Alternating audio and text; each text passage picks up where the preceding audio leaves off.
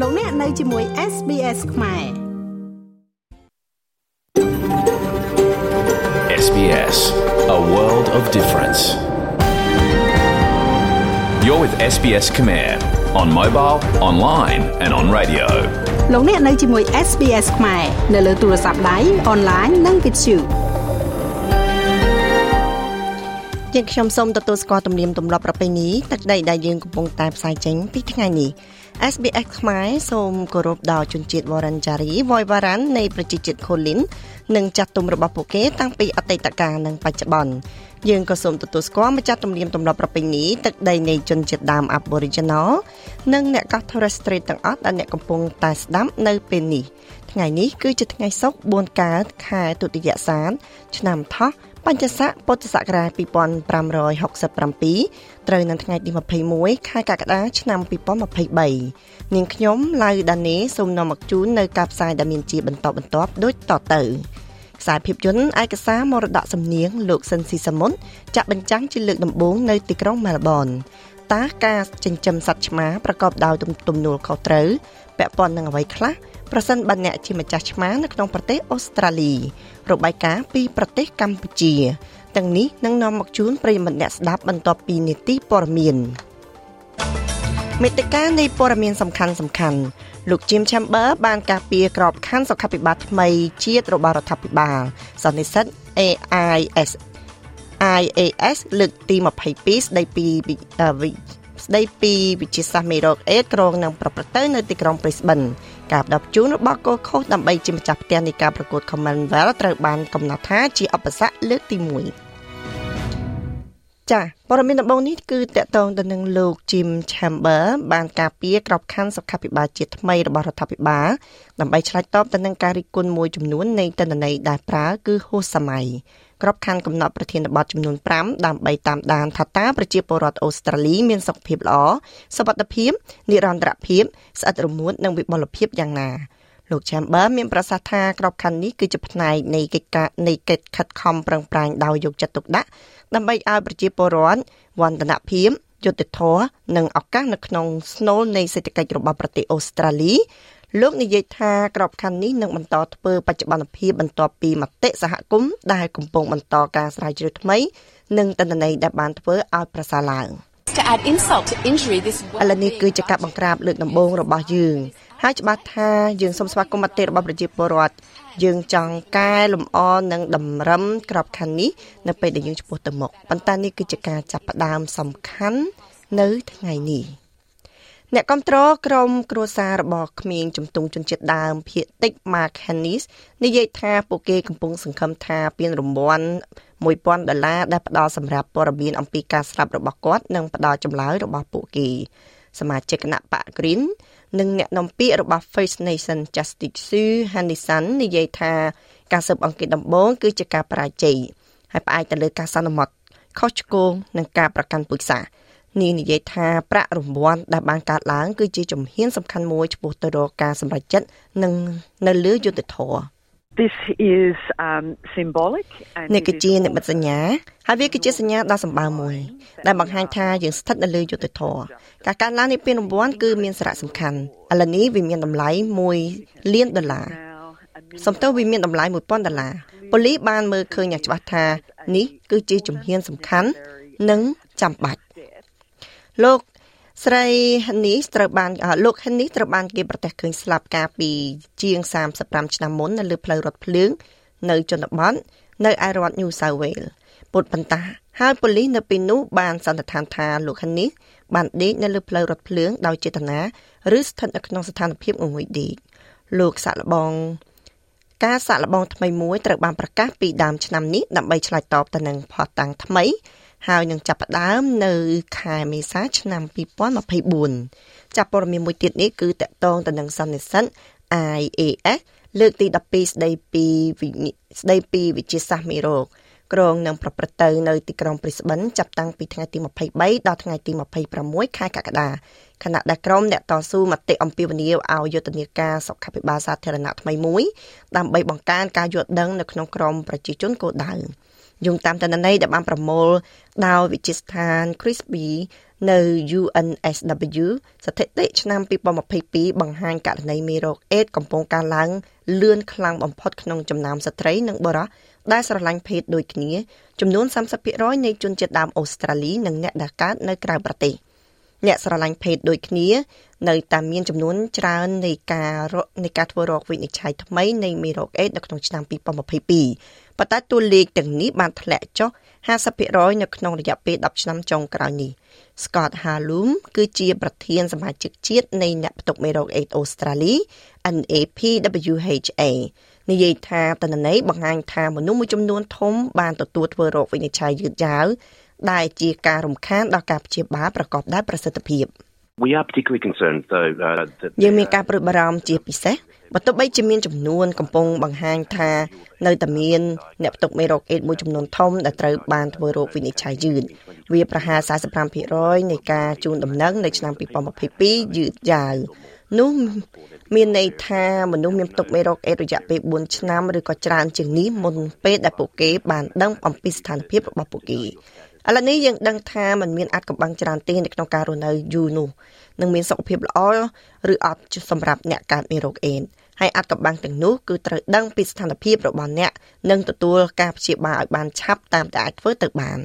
ចាប់ព័ត៌មានមួយទៀតនេះគឺតកតងទៅនឹងការផ្ដល់ជូនរបស់ Gold Coast ដើម្បីធ្វើជាម្ចាស់ផ្ទះនៃការប្រកួត Commonwealth ត្រូវបានកំណត់ថានឹងក្លាយទៅជាឧបសគ្គទី1 ដោយរដ្ឋាភិបាល Albanese ទំនងជាមិនគ្រប់គ្រងផ្នែកហិរញ្ញវត្ថុនោះទេអភិបាលក្រុង Gold Coast លោក Tom Tate បានប្រកាសថាលោកនឹងចាប់ផ្ដើមការដេញថ្លៃយឺតយឺតសម្រាប់ការប្រកួតកីឡាឆ្នាំ2026បន្ទាប់ពីរដ្ឋ Victoria បានដកខ្លួនចេញពីការធ្វើជាម្ចាស់ផ្ទះព្រឹត្តិការណ៍កីឡាពិភពលោក។ការដេញថ្លៃនេះគឺអាស្រ័យទៅលើការផ្ដល់ជូនមូលនិធិរបស់សហព័ន្ធ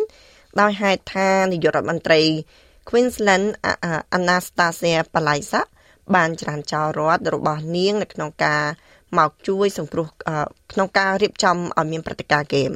រដ្ឋមន្ត្រីខុទ្ទកាល័យសហព័ន្ធលោក Jason Clear បានប្រាប់កម្មវិធីសន្សាញរបស់ Channel 7ថា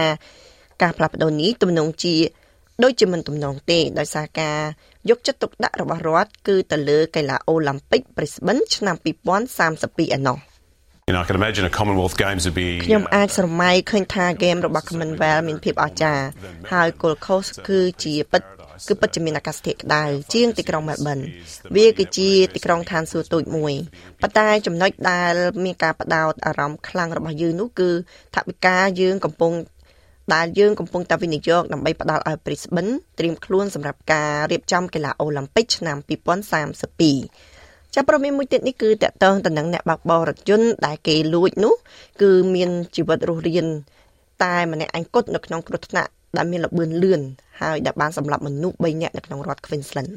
សេវាសង្គ្រោះបន្ទាន់ត្រូវបានគេហៅទៅកាន់កន្លែងកើតហេតុបន្ទាប់ពីរថយន្ត3គ្រឿងបានបុកគ្នានៅលើផ្លូវ Highway Bruce រវាងឆ្នេរសាន់សាញនិង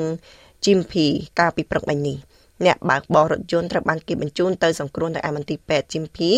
ដោយរបួសក្បាលធ្ងន់ធ្ងរហើយស្ថិតនៅក្រោមការយាមកាមរបស់ប៉ូលីសប៉ូលីសបានបញ្ជាក់ថារថយន្តនេះត្រូវបានគេលួចនៅក្នុងរថយន្តនៅក្នុងការលួចរថយន្តដែលប្រកបដោយអំពើហិង្សាមួយនៅ Gympie កាលពីព្រឹកថ្ងៃទី20ខែកក្កដាការប្រកាសអាសន្នរថយន្តត្រូវបានចេញផ្សាយបន្ទាប់ពីបុរសម្នាក់ប្រដាប់ដោយកំបិតបានគំរាមម្ដាយនិងកូនទាំង3នាក់ខណៈក្រុមគ្រួសារកំពុងតែឡើងនៅលើរថយន្ត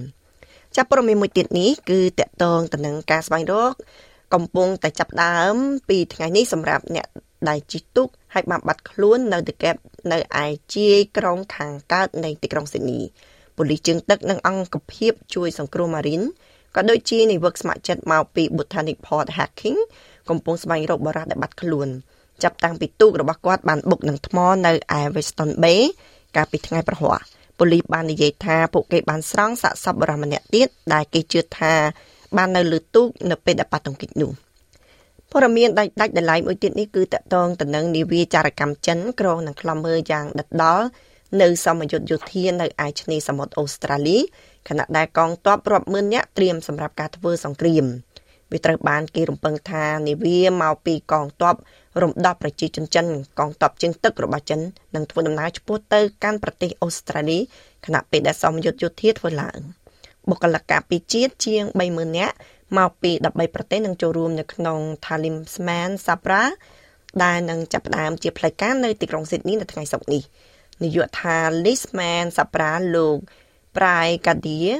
Daman Hill និយាយថាកប៉ាល់ចិននឹងមានសេរីភាពនៅក្នុងការចូលមកក្នុងតំបន់សេដ្ឋកិច្ចផ្ដាច់មុខរបស់ចិន ចាប់ប្រមានមួយទៀតគឺតកតងនៅឯសហរដ្ឋអាមេរិកវិញបានប្រកាសខ្លួនថានឹងដាក់ទណ្ឌកម្មថ្មីប្រឆាំងនឹងរុស្ស៊ីដើម្បីឆ្លើយតបទៅនឹងការវាយប្រហាររបស់រុស្ស៊ីលើកំពង់ផែនៅភូមិខាងត្បូងអ៊ុយក្រែនទណ្ឌកម្មនឹងត្រូវដាក់ប្រឆាំងទៅនឹងក្រុមហ៊ុនប្រមាណ120និងប្រជាជនពីប្រទេសរុស្ស៊ីទៅកាន់ប្រទេសអារ៉ាប់រួមទាំងទៅកាន់ប្រទេសគ្រីសគ្រីស្តានដើម្បីកំណត់ការចូលប្រើប្រាស់របស់ទីក្រុងមូស្គូចំពោះផលិតផលថវិកា និងបណ្ដាញហិរញ្ញវត្ថុដែលគ្រប់គ្រងការលុកលុយរបស់អ៊ុក្រែនអ្នកនាំពាក្យសន្តិសុខជាតិរបស់សេតសេតរបស់សេតវិមាន លោកចនខឺប៊ីនិយាយថានេះគឺជាដាក់ទណ្ឌកម្មជាការដាក់ទណ្ឌកម្មដ៏ធំបំផុតនិងសកម្មភាពត្រួតពិនិត្យការនាំចេញដែលមិនធ្លាប់មានលើសេដ្ឋកិច្ចដ៏សំខាន់មួយ These sanctions will among other things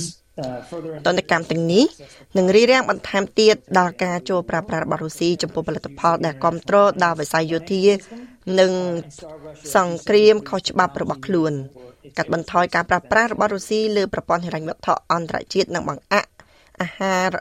របស់រុស្ស៊ីនៅបច្ចេកវិទ្យាដែលផលិតដោយ G7 ដែលចាំបាច់សម្រាប់វិស័យអាកាសយានដ្ឋាននិងវិស័យការពារជាតិរបស់ខ្លួន កំពង់ផែសមុទ្រខ្មៅនៃ អូដាស៊ីគឺជាទីតាំងនៃហេដ្ឋារចនាសម្ព័ន្ធនាំចេញក្របធញ្ញជាតិដ៏សំខាន់ដោយភ្ជាប់ប្រទេសជា100ទៅកាន់កំពង់ផែជាង600ហើយវាត្រូវបានយកចិត្តទុកដាក់ជាពិសេស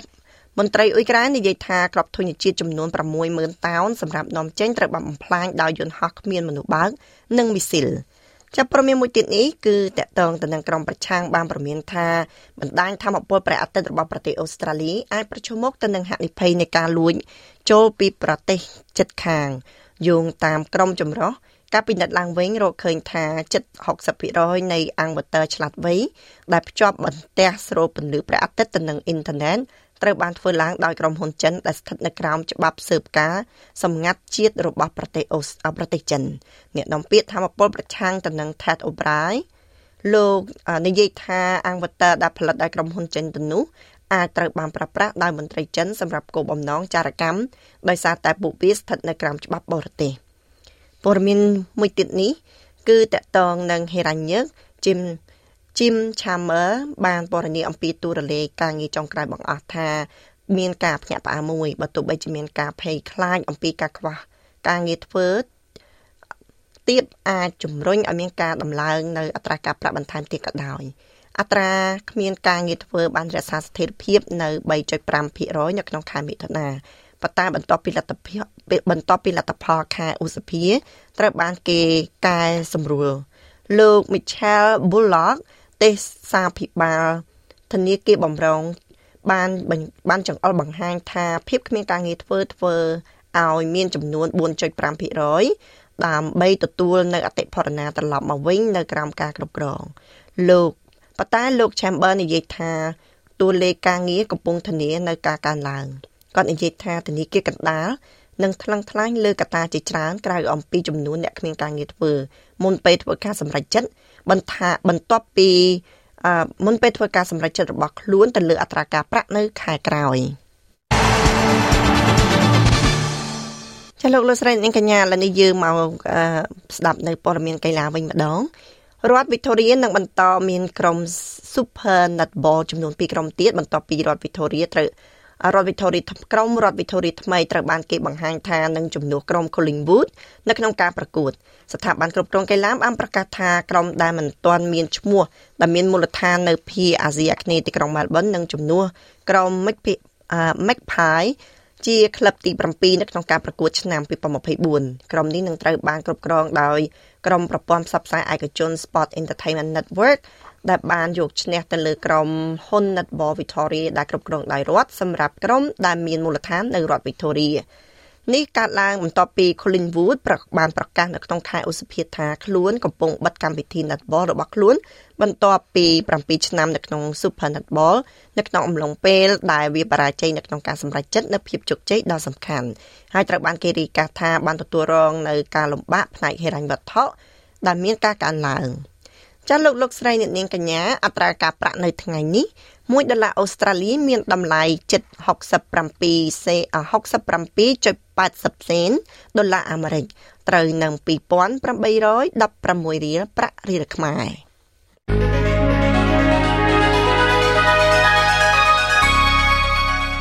ចាលនេះយើងក្រឡេកមើលការព្យាករណ៍អាកាសធាតុសម្រាប់ថ្ងៃសុក្រនេះវិញម្ដង ចានៅភើកមានភ្លៀងភ្លៀងរលឹមស្រិចស្រិច19អង្សា នៅអាដាលេដគឺមានពពកច្រើន15អង្សា នៅមែលប៊នមានពពកច្រើន14អង្សា នៅហូបាតក៏មានពពកច្រើន13អង្សា នៅខេនបារ៉ាក៏មានអាកាសធាតុស្រដៀងគ្នានៅហូបាតដែរមាន មានសីតុណ្ហភាព14អង្សា នៅវ៉លឡុងកុងក៏មានពពកច្រើន18អង្សា នៅស៊ីដនីក៏មានពពកច្រើនដូចគ្នា18អង្សា នៅញូកាសលក៏មានពពកមានភ្លៀងរលឹមស្រិចស្រិច20អង្សា នៅព្រីស្បិនមានថ្ងៃរះល្អ24អង្សា នៅខានក៏មានពពកខ្មៅពពកច្រើនចា28អង្សា នៅដាវីនគឺមានថ្ងៃរះល្អ32អង្សា ចំណែកឯនៅទីក្រុងភ្នំពេញវិញ គឺមានភ្លៀងរលឹមស្រិចស្រិច27អង្សាចុច like share comment និង follow SPS ខ្មែរនៅលើ Facebook